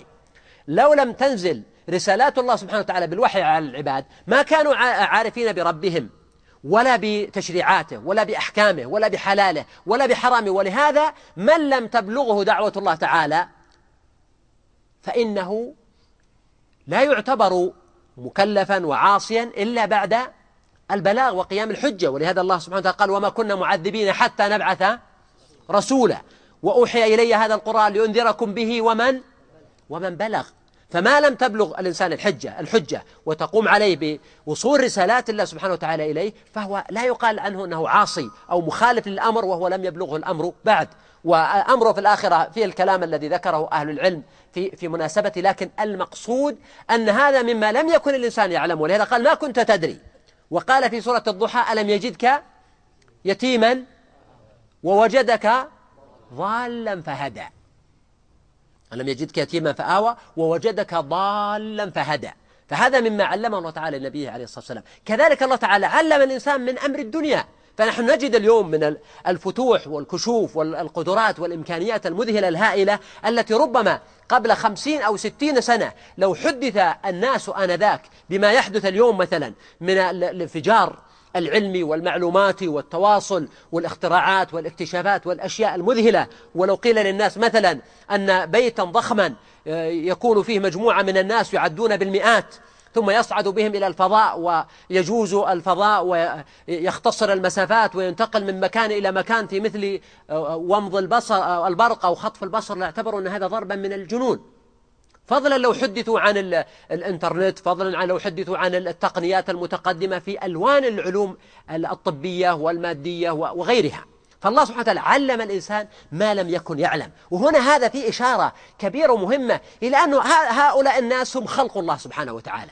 وهذا العلم الذي يكتشفونه الله سبحانه وتعالى هو الذي وضعهم إنما يكتشفون شيئا مما أودعه الله تعالى في الكون. ولا لا؟ يعني قصاراهم أنهم وضعوا أعينهم بصبر وجلد لكنهم أصروا. هنا تجي مسألة اقرأ اقرأ. تجد بعض أصحاب التجارب والخبرات يحاول يحاول حتى أحدهم عمل عشرة آلاف تجربة فاشلة. وبعد عشرة آلاف تجربة قال أنا استفدت كثيرا. أنني عرفت أن عشرة آلاف طريق لا توصل إلى المقصود. بينما تجد المؤمنين وحتى طلبة العلم الشرعي في كثير عندهم قصور في الهمة وفتور بحيث أن الإنسان يعني بمجرد ما يجد عقبة تعترضه إما أن يكون نزقا مثلا في خلق الشيخ أو أنه أبطأ عليه التعليم أو شعر أن مستوى المعلومات فوق ما يطيق أو يعني صعوبة المواصلات. تجد هذا الإنسان ينقطع ويترك العمل ويترك الطريق. إذا يعني هنا البشر الذين تعلموا هم خلق الله سبحانه وتعالى. والعلم الذي اكتشفوه هو ما مما أودعه الله تعالى في الكون من الأسرار والنواميس والتي تحكم هذا الكون فهم اكتشفوها ثم وظفوها وطوعوها لما يخدم مصالحهم أو ما أشبه ذلك. فالإسلام ليس لا يخاف من العلم ولا يرهبه ولا يهاب منه بل الإسلام يدعو إليه ويحث عليه وأول آية في كتابه هي الأمر بالعلم والأمر بالقراءة. وإنما المشكلة هي في سوء استخدام هذا العلم أو في انفصال العلم بشكل أوضح عن الشريعة وعن الدين وعن النظام الرباني بحيث يصبح العلم يعني يخدم المصالح لقوم خاصين أو أو يخدم مثلا مصالح مادية أو شخصية أو لشعب من الشعوب أو أمة من الأمم. هنا لما يقول الله سبحانه وتعالى الذي علم بالقلم علم الإنسان ما لم يعلم. في ذلك إشارة إلى أن يتعلم الإنسان. يحاول أن يتعلم بكل وسيلة ممكنة. العلم ممكن يحصله الإنسان مثلا عن طريق القراءة وممكن يحصله الإنسان عن طريق الاستماع والحضور وممكن يحصله الإنسان عن طريق ها؟ المشافهة قلنا الكلام أو القراءة. النظر وش المقصود بالنظر؟ أي يعني التفكير. يعني ممكن بعض الأشياء يصل إليها الإنسان بتفكيره بدون أن يسمعها من من أحد. وممكن أن يسمعها أو يقرأها. هنا الرسول صلى الله عليه وسلم لما نزلت عليه هذه الآيات ورجع إلى خديجة. لاحظوا هذا الاستجابة أيضا. وقال زملوني فزملوه غطوه حتى ذهب عنه الروع وهدأ صلى الله عليه وسلم وأخبر خديجة بالخبر. ماذا قالت له؟ كلا والله لا يخزيك الله أبدا. ثم؟ ثم إيش؟ إلى آخره. ثم ذهبت به إلى من؟ إلى ورقة بن نوفل. ورقة بن نوفل نبي؟ لا. النبي صلى الله عليه وسلم يذهب إلى رجل من عامة الناس ويستمع إليه. فلما أخبره ماذا قال له ورقة؟ قال هذا الناموس الذي كان يأتي موسى. ثم قال له أيوة ليتني أكون حيا إذ يخرجك قومك. فماذا قال له النبي صلى الله عليه وسلم؟ أو مخرجيهم. أليس الآن في مقام التعلم؟ يتعلم من ورقة. أو مخرجيهم؟ قال نعم. لم يأتي أحد أو رجل قط بمثل ما جئت به إلا عودي. وإن يدركني يومك أنصرك نصرا مؤزرا. فهنا تلاحظ أن النبي صلى الله عليه وسلم استمع إلى ورقة وسأله. أو مخرجيهم. وورقة يعني آه، رجل صالح. ربما كان على الحنيفية وقد ورد أنه آه، أسلم وأن النبي صلى الله عليه وسلم رآه في هيئة حسنة وهو في الأثر نفسه أنه لم ينشب ورقة أم مات وهذا هو الظاهر والله أعلم من السياق نفسه. لكن المقصود أن النبي صلى الله عليه وسلم استمع إلى ورقة واستفاد منه.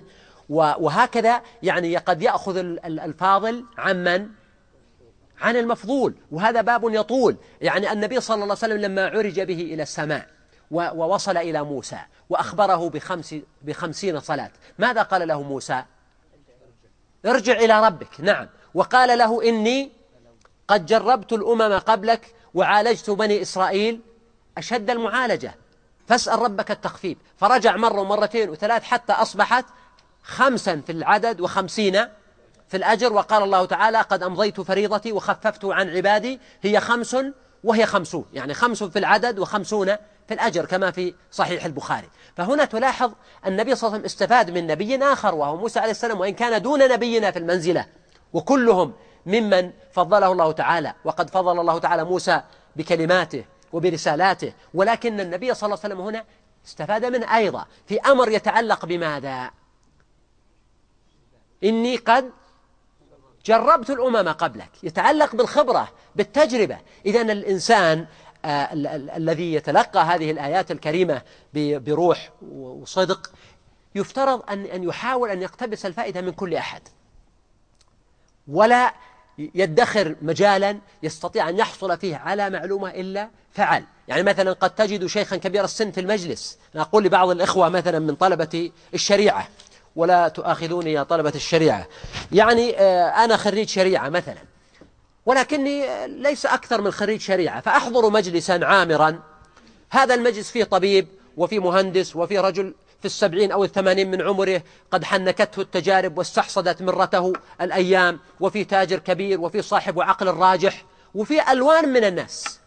فعودت نفسي وعودتهم أنني بمجرد ما يبدأ المجلس أحمد الله وأثني عليه وأقرأ خطبة الحاجة ثم أستغل المجلس في موعظة. هذا طيب لأنه من الدعوة إلى الله ومن استثمار المجلس ومن جلس مجلسا لم يذكر الله تعالى فيه كانت عليه تعالى من الله تعالى تراه كل هذا جيد لكن أيضا من الممكن أن نوصل الرسالة بغير هذه الطريقة التي أبدو فيها كما لو كنت معلما دائما بحيث أكون معلما ومتعلما في الوقت نفسه.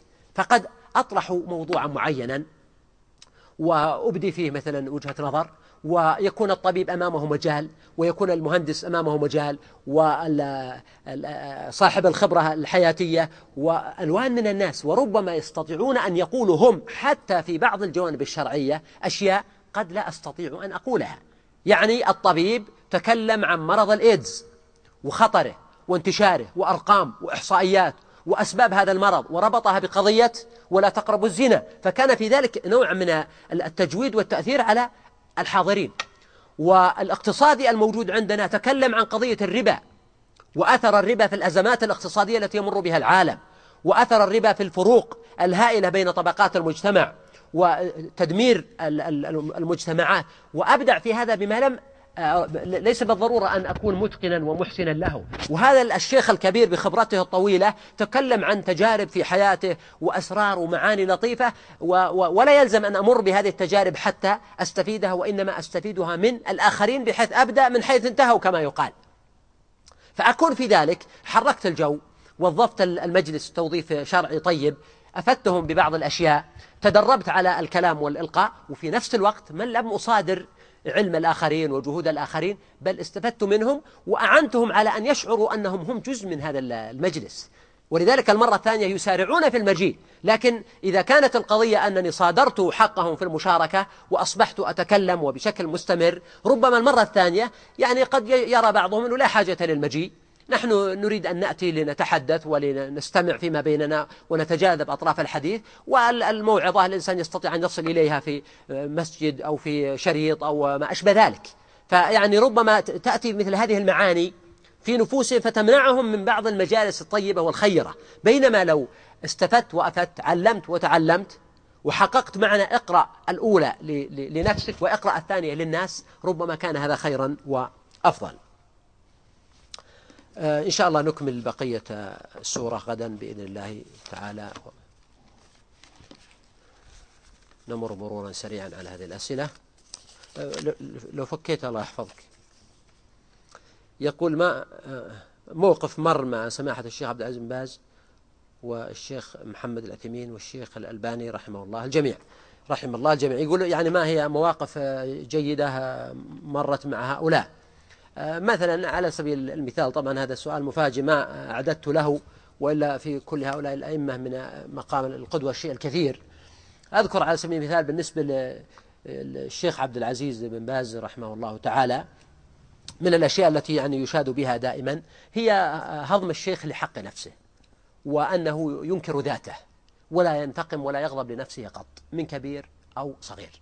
وهذا غاية التجرد والإخلاص. ولو أردت أن أذكر الصفة الأولى في الشيخ رحمه الله لكانت هذه وقل أن تجد من يباريه أو يجاريه أو يقاربه فيها حتى من أهل العلم.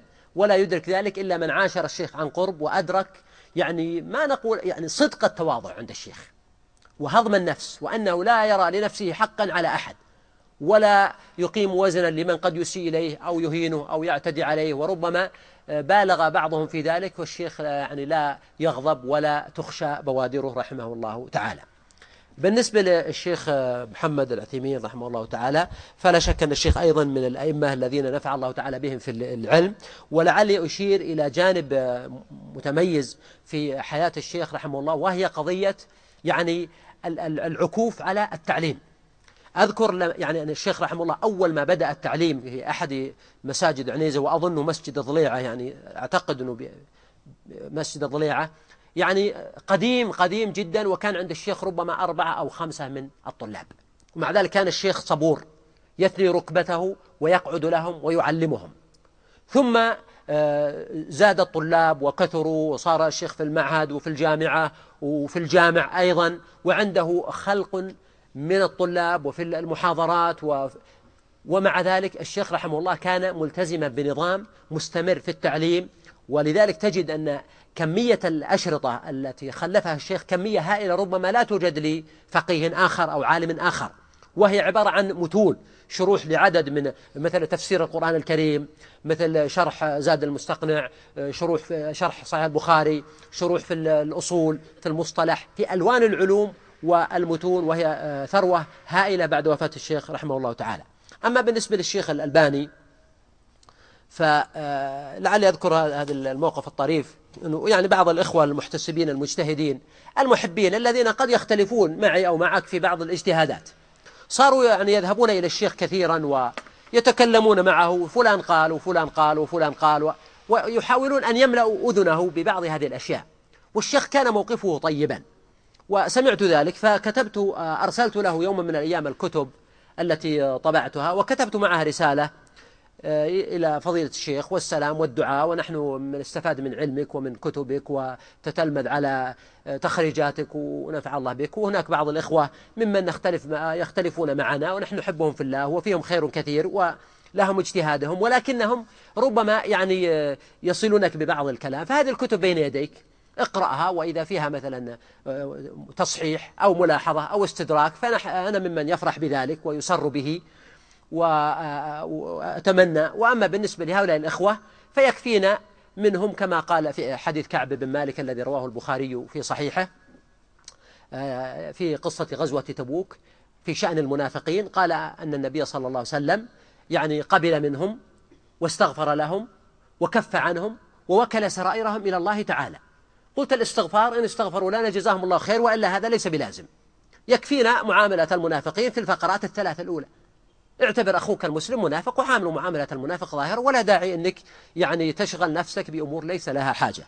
فكان لهذه الرسالة يعني أثر عظيم جدا على الشيخ رحمه الله. فبعدها أصبح لا يسمع كلاما لأحد. وربما بعضكم سمعتم أشرطة يعني قد يقرأ فيها أشياء وتجد الشيخ يعني يعتذر ويفسر وغفر الله له اسكنهم جميعا جنات النعيم. يقول طالب علم مبتدئ فبأي كتب الفقه الميسرة المفيدة تنصحه؟ يعني كتب الفقه كثيرة وممكن كتاب عمدة الفقه المذهب الحنبلي جيد. وإن كنت أنصح لا يبدأ بالفقه بل يبدأ بعلوم أخرى تؤسس له. وأيضا أنصح الأخ المبتدئ بالقرآن الكريم. طبعا هذه أسئلة الإنترنت. يقول آه، كيف يتعامل الشخص في رمضان مع الذين يريدون أن يفسدوا صيامنا من الذين يغتابون الناس ويفسدون في الأرض ويتعمدون استفزاز الناس ولكم آه، الشكر والدعاء. طبعا آه، ادفع بالتي أحسن على الإنسان أولا فيما يخصه إذا كان الأمر يتعلق بشخصه أن يصبر كما ذكرنا في الأمس ويقابل السيئة بالحسنة. أما إذا كان أمرا عاما يعني يؤذي الآخرين و... فينبغي الإنسان أن يأمر بالمعروف وينهى عن المنكر سواء كان في مجلس أو في غير ذلك. ومن ذلك مثلا ما يقع في وسائل الإعلام. الآن القنوات الفضائية ووسائل الإعلام ومحطات التلفزة في العالم الإسلامي في رمضان لها برنامج خاص. هذا البرنامج ليس برنامج مثلا آه، حشمة ووقار وأدب وتربية وإنما هي ألوان من الأفلام والمسلسلات وربما الأغاني وربما يعني أشياء يعني هي تفنن في إضاعة وقت الناس وملء ليلهم وسهرهم بالأشياء التافهة والضارة والمفسدة لوقتهم وذوقهم في كثير من الأحيان. هنا علينا أن يكون لنا دور إيجابي في المناصحة في الكتابة في الامتناع أيضا. بحيث نصنع لأنفسنا يعني البرامج الخاصة آه، الإنسان مع زملائه مع أصدقائه مع أهل بيته مع أسرته بحيث لا يكون الجميع وتكون الأسر كلها ضحية لمثل هذه الوسائل آه، السيئة طبعا يقول الصوت غير واضح. أيضا هذا سؤال حول قناة المجد. قناة المجد طيبة وهي نوع من البديل المناسب لما تحدثنا عنه قبل قليل. نسأل الله سبحانه وتعالى لها والقائمين عليها التوفيق. يقول كيف نعامل الناس في هذا الزمان؟ نأخذهم بالظاهر كما قال عمر رضي الله عنه. أم ماذا؟ ولم لا؟ هو ينبغي في هذا الزمان وفي كل زمان أن يؤخذ الناس بالظاهر ولا يفسد الناس مثل التنقير عن بواطنهم كما جاء في الحديث أن النبي صلى الله عليه وسلم قال لمعاوية لا تتتبع عورات الناس فإنك إن تتبعت عوراتهم أفسدتهم أو كدت تفسدهم. يقول كيف يقول قل أو انعدم الجلساء الصادقون الذين يعينون على الصالحات ولست أقصد بذلك الفرائض بل أقصد قيام الليل وما يتبع ذلك فهل لكم من تعليق؟ الحمد لله يعني أنا لا أدري السؤال هذا من أين أتى لكن المساجد ولله الحمد عامرة وأعتقد أنه في العالم الإسلامي كله المساجد عامرة وكل الناس يصلون التراويح أطالوا أم, أم قصروا ولا بأس أن يختار الإنسان من المساجد ما يجد فيه نوع من الهدوء في الصلاة والإطالة في القراءة والهدوء أيضا في الركوع والسجود. وما يكون أيضا حسن الصوت مما يجد كما سئل الإمام أحمد عن ذلك فقال انظر ما هو أنفع لقلبك فاصنعه. فالإنسان حيث يجد قلبه عليه أن يكون. هذا سؤال مكرر حول قناة المجد. طيب نعود إلى أسئلتكم. يقول رأيت في منامي أطفالا يلعبون بينهم طفل ليس بالسمين ولا النحيف فسألت عنه فقالوا هذا رسول الله صلى الله عليه وآله وسلم. هل هذا يدخل في من رآني في المنام؟ فقد رآني. والله هذا فيه نظر لأنه آه، يعني أنت رأيت النبي صلى الله عليه وسلم على صورة لا نستطيع أن نجزم بأنها هي الصورة التي يكون عليها النبي عليه الصلاة والسلام وإنما المقصود من رأى النبي صلى الله عليه وسلم على صورته لأنه قال الشيطان لا يتمثل بي. كيف الطريقة في الاستمرار بالقراءة بالتدريب. طريقة الاستمرار في القراءة بالتدريب والآن القراءة أصبحت فن. حتى الإسراع في القراءة الآن يقام دورات لتسريع القراءة.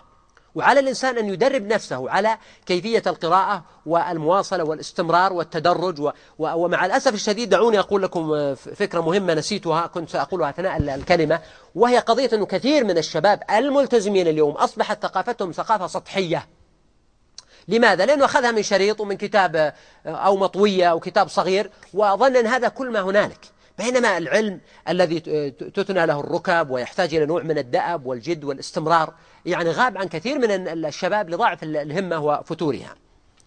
يقول رجل يمل من القراءة ويحب السماع فبماذا تنصحه؟ ممكن يستمع لكن حتى السماع هناك سماع من سماع. يعني حدثني اليوم أحد الأخوة وهو من اليمن داعية كبير يقول حضر عندي مجموعة من الطلاب ولا بأس أن أسميهم. يقول من طلاب الشيخ مقبل رحمه الله تعالى. أو لا أقول من طلابه بقدر ما هم من محبيه. فيقول كانوا يتكلمون وكذا فقلت له أنتم تحبون الشيخ؟ قالوا نعم. قلت أريد أن أسألكم من منكم واحد يقتني كتاب الصحيح المسند مما ليس في الصحيحين. فلم أجد واحدا منهم عنده هذا الكتاب. قلت طيب ماذا عندكم؟ فكان عندهم مجموعة كبيرة من الأشرطة الصوتية. هذه الأشرطة الصوتية تعرفون أنهم غالبا ما يكون فيها أحيانا الإنسان يتكلم في الغضب والرضا ويكون فيها نوع من الأشياء التي لم يركزها الإنسان ولم يرتبها بشكل جيد وقد يكون فيها أحيانا أشياء من الجرح والتعديل والكلام في فلان أو علان فربما يقتنيها بعض الشباب لمثل هذه المعاني. ولذلك على الإنسان أن يحرص حينما يستمع الاستماع وسيلة جيدة الأذن أن يختار الأشياء التي يستمعها. أمور نافعة أمور مفيدة ممكن أحيانا يستمع بعض المتون والشروح العلمية وغيرها. ما هي الكتب التي تقود الإنسان إلى القراءة؟ حقيقي في الشيخ عبد الكريم بكار له مجموعة كتب مفيدة جدا أنصح بقراءتها. ولنا هنا مجلس سابق آه، عنوان القراءة أولا. يمكن للأخ أن يستمع إليه من الموقع. هل إحداث معاني جديدة لم يذكرها المفسرون يعد من التفسير وهل ذلك جائز ويعتبر من مصادر التفسير؟ لا هو المفسرون رحمهم الله. لم يكن أحد منهم يعني يقتصر على أنه يقول قولا آه، سبقه إليه أحد وإلا لكانت كتب التفسير نسخة طبق الأصل عن بعض. وإنما يعني هذه المعاني تشقيق هذه المعاني الجديدة التي ليس فيها حكم جديد شرعي. هذا هو المهم. يعني ما يأتي واحد لنا بعبادة جديدة لم يأتي بها من, من سبق من الأئمة. وأما أن يعني يجد معنى يعني لما تأتي مثلا لكلام ابن تيمية رحمه الله في دقائق التفسير أو كلام ابن القيم أيضا وقد جمع كلامه في التفسير بأكثر من نسخة تجد هناك معاني وأسرار لطيفة لم ينقلوها عن غيرهم ولم يأخذوها من أحد وإنما استنبطوها هم من القرآن الكريم. فهذا يعني باب واسع وكما قال علي رضي, الله عنه إلا فهما أوتيه رجل في كتاب الله تعالى. آه هذه آه بنت بس من وين جاء السؤال؟ تسأل تقول إني أتحرج كثيرا عندما أريد أن أشتري فستانا ونحوه. لأني أخشى من التشبه بعارضات الأزياء ومعلوم أن 90% تقريبا ما في السوق إنما هو مما قامت آه، بعض النساء بعرضه في القنوات قولوا لنا قولا شافيا وافيا في هذا الموضوع. سددكم الله ووفقكم. آه، إن كانت الأخت تسمع أو هناك من يسمع لها فأقول إن المقصود بالتشبه المنهي عنه هو ما كان من خصائص أهل الكتاب. يعني الملابس التي آه، تلبسها مثلا أو تختص بلبسها الفاسدات أو العاهرات أو الراقصات أو ما أشبه يحرم على المسلم أن تلبسها. لكن اللباس العادي الذي يتداوله الناس فيما بينهم ولا يخص شعبا من شعب ولا جنسا من جنس ولا فئة من فئة فإن الأصل فيه الجواز. ولو كان منسوجا عندهم والنبي صلى الله عليه وسلم لبس جبة الرومية كما في الصحيح وكان الصحابة يلبسون الملابس التي تنسج في بلاد العجم. يقول الدكتور عبد الرحمن الشواوي حفظه الله في إحدى قصائد ذاكرة هذه السورة التي نحن بصددها أيقنت أن جدال الناس منقصة فرحت أتلو الضحى والفجر والعلقة. جزاك الله خير هذه فائدة لطيفة من الأخ الكريم. ما رأيك في كتاب النبأ العظيم لدراز؟ هذا النبأ العظيم بارك الله فيك لعلك لاحظته أو لخسته معي. هذا من أفضل الكتب التي أنصح الأخوة بقراءتها. يقول ما رأيك في من يصفون اللغة الإنجليزية بأن لغة كفار ولا يجوز تعلمها؟ اللغة اللغة الإنجليزية نعم هي لغة قوم كافرين في الغالب وإن كان من المسلمين من تكون هي لغته الأصلية. وأما مسألة جواز تعلمها فإن تعلم اللغة من حيث الأصل أصبح ضرورة لا بد منها لأن لغة العلم والحضارة في هذا العصر فهي في أيديهم وهذا أمر لا يماري فيه أحد. فمن احتاج إلى تعلمها لمثل ذلك للتواصل أو للاطلاع أو للمعرفة فلا بأس. أما أن يتشدق الإنسان بهذه اللغة معتقدا أن هذا أن تعلمها هو مفخرة وفضيلة ومزية ومزدريا لغة العرب فلا شك أن هذا آه، أمر خطير يدل على هزيمة نفسية عند صاحبها. يقول ما رأيك في القراءة في المصحف الذي بهامش تفسير الآيات مثل التفسير الميسر؟ ألا يعين على التدبر؟ بلى هذا جيد. هذا جيد. من المعلوم أن العلم أساس من أساسيات التقدم الناظر لحال المسلمين. يرى أننا مع مرور الأيام لم نرفع من مستوانا العلمي فنحن لا نزال عالة على الغرب والشرق بل وربطنا مصالحنا من مصالح مباشرة فكيف المخرج من هذه الحال؟ وما تقييمك لبرامج الدعاة والمصلحين للنهوض بالأمة؟ هذا سؤال جميل لا أستطيع أن أجيب عليه لكن يكفي أنه لفت النظر إلى مثل هذا المعنى وفي تقدير أنه في خلل كبير وأن علينا أن نستيقظ ومن أجل هذا آه، نطرح مثل هذا الموضوع. يقول يسأل عن ضرب العراق وهل صد لهم والشعب العراقي وهل تنجح أمريكا في حربها. أعتقد أنه يعني ضرب العراق احتماله كبير كبير جدا. ولا شك أن ضرب العراق كارثة على الأمة كما ذكرنا قبل يومين. وأما مسألة ينجحون أعتقد أنهم إذا أرادوا الضرب قد ينجحون في الغالب لأن لديهم من التقنية والإمكانيات الشيء الكبير. وتعرفون أن أوضاع المسلمين والشعوب الإسلامية اليوم ليست على ما يرام. أقول لو أن الشعوب الإسلامية يعني يوجد في داخلها من التراص والانسجام والوحدة شيء الكبير ربما لا يستطيع عدو أن يتخلل بينهم.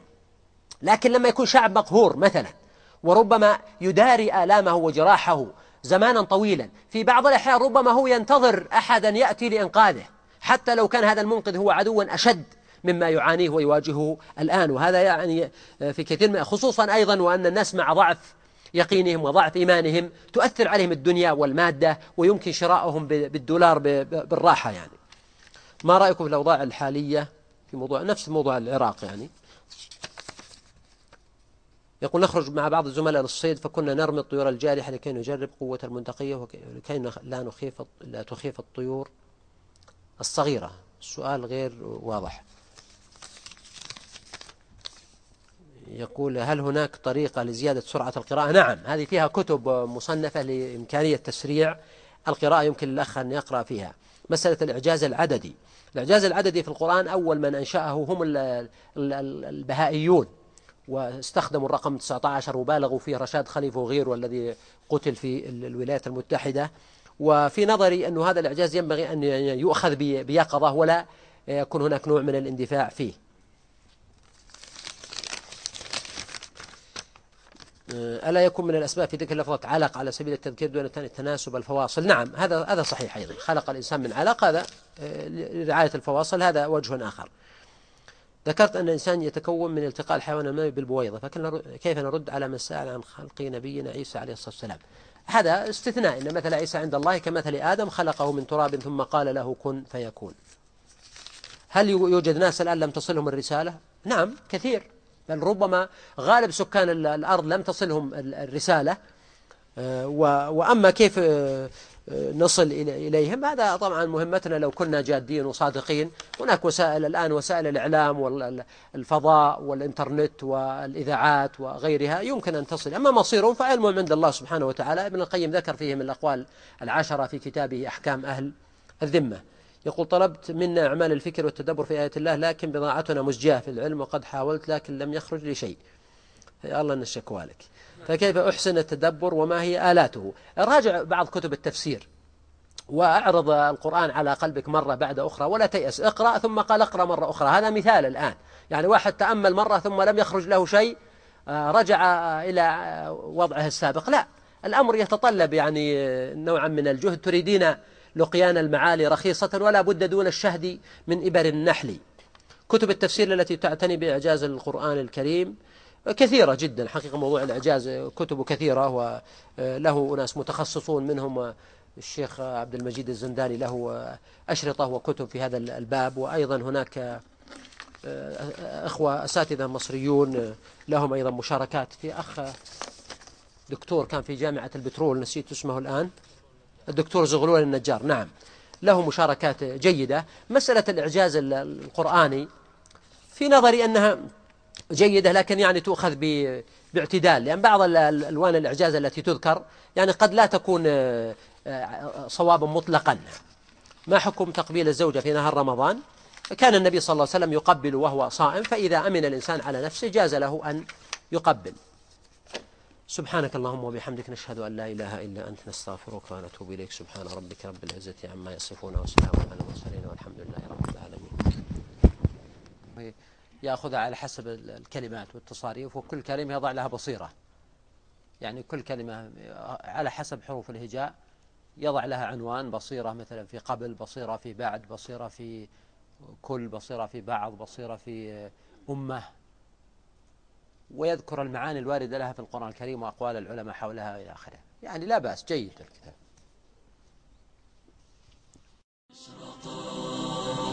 إشراقات جلسات إيمانية ومضات قرآنية. جلسات إيمانية ومضات قرآنية. جلسات إيمانية ومضات قرآنية. جلسات إيمانية ومضات قرآنية.